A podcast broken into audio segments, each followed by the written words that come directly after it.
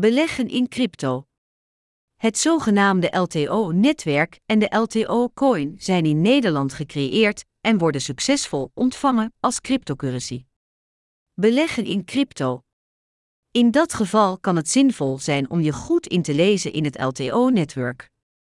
LTO-netwerk haar techniek richt zich op vier belangrijke pijlers, namelijk een gedecentraliseerde workflow, bedrijfs- en persoonsidentificatie en controleerbaarheid van inloggegevens. LTO Network hecht belang aan de veiligheid en betrouwbaarheid van persoonlijke informatie en bedrijfsgegevens, iets wat op dit moment erg leeft. De LTO-coin van het LTO-netwerk is via allerlei crypto-sites te koop en laat een hoopvolle lijn zien. Omdat LTO veel plannen heeft en ook internationaal hoge ogen gooit, kan dit zeker een winstgevende belegging zijn voor cryptohandelaren.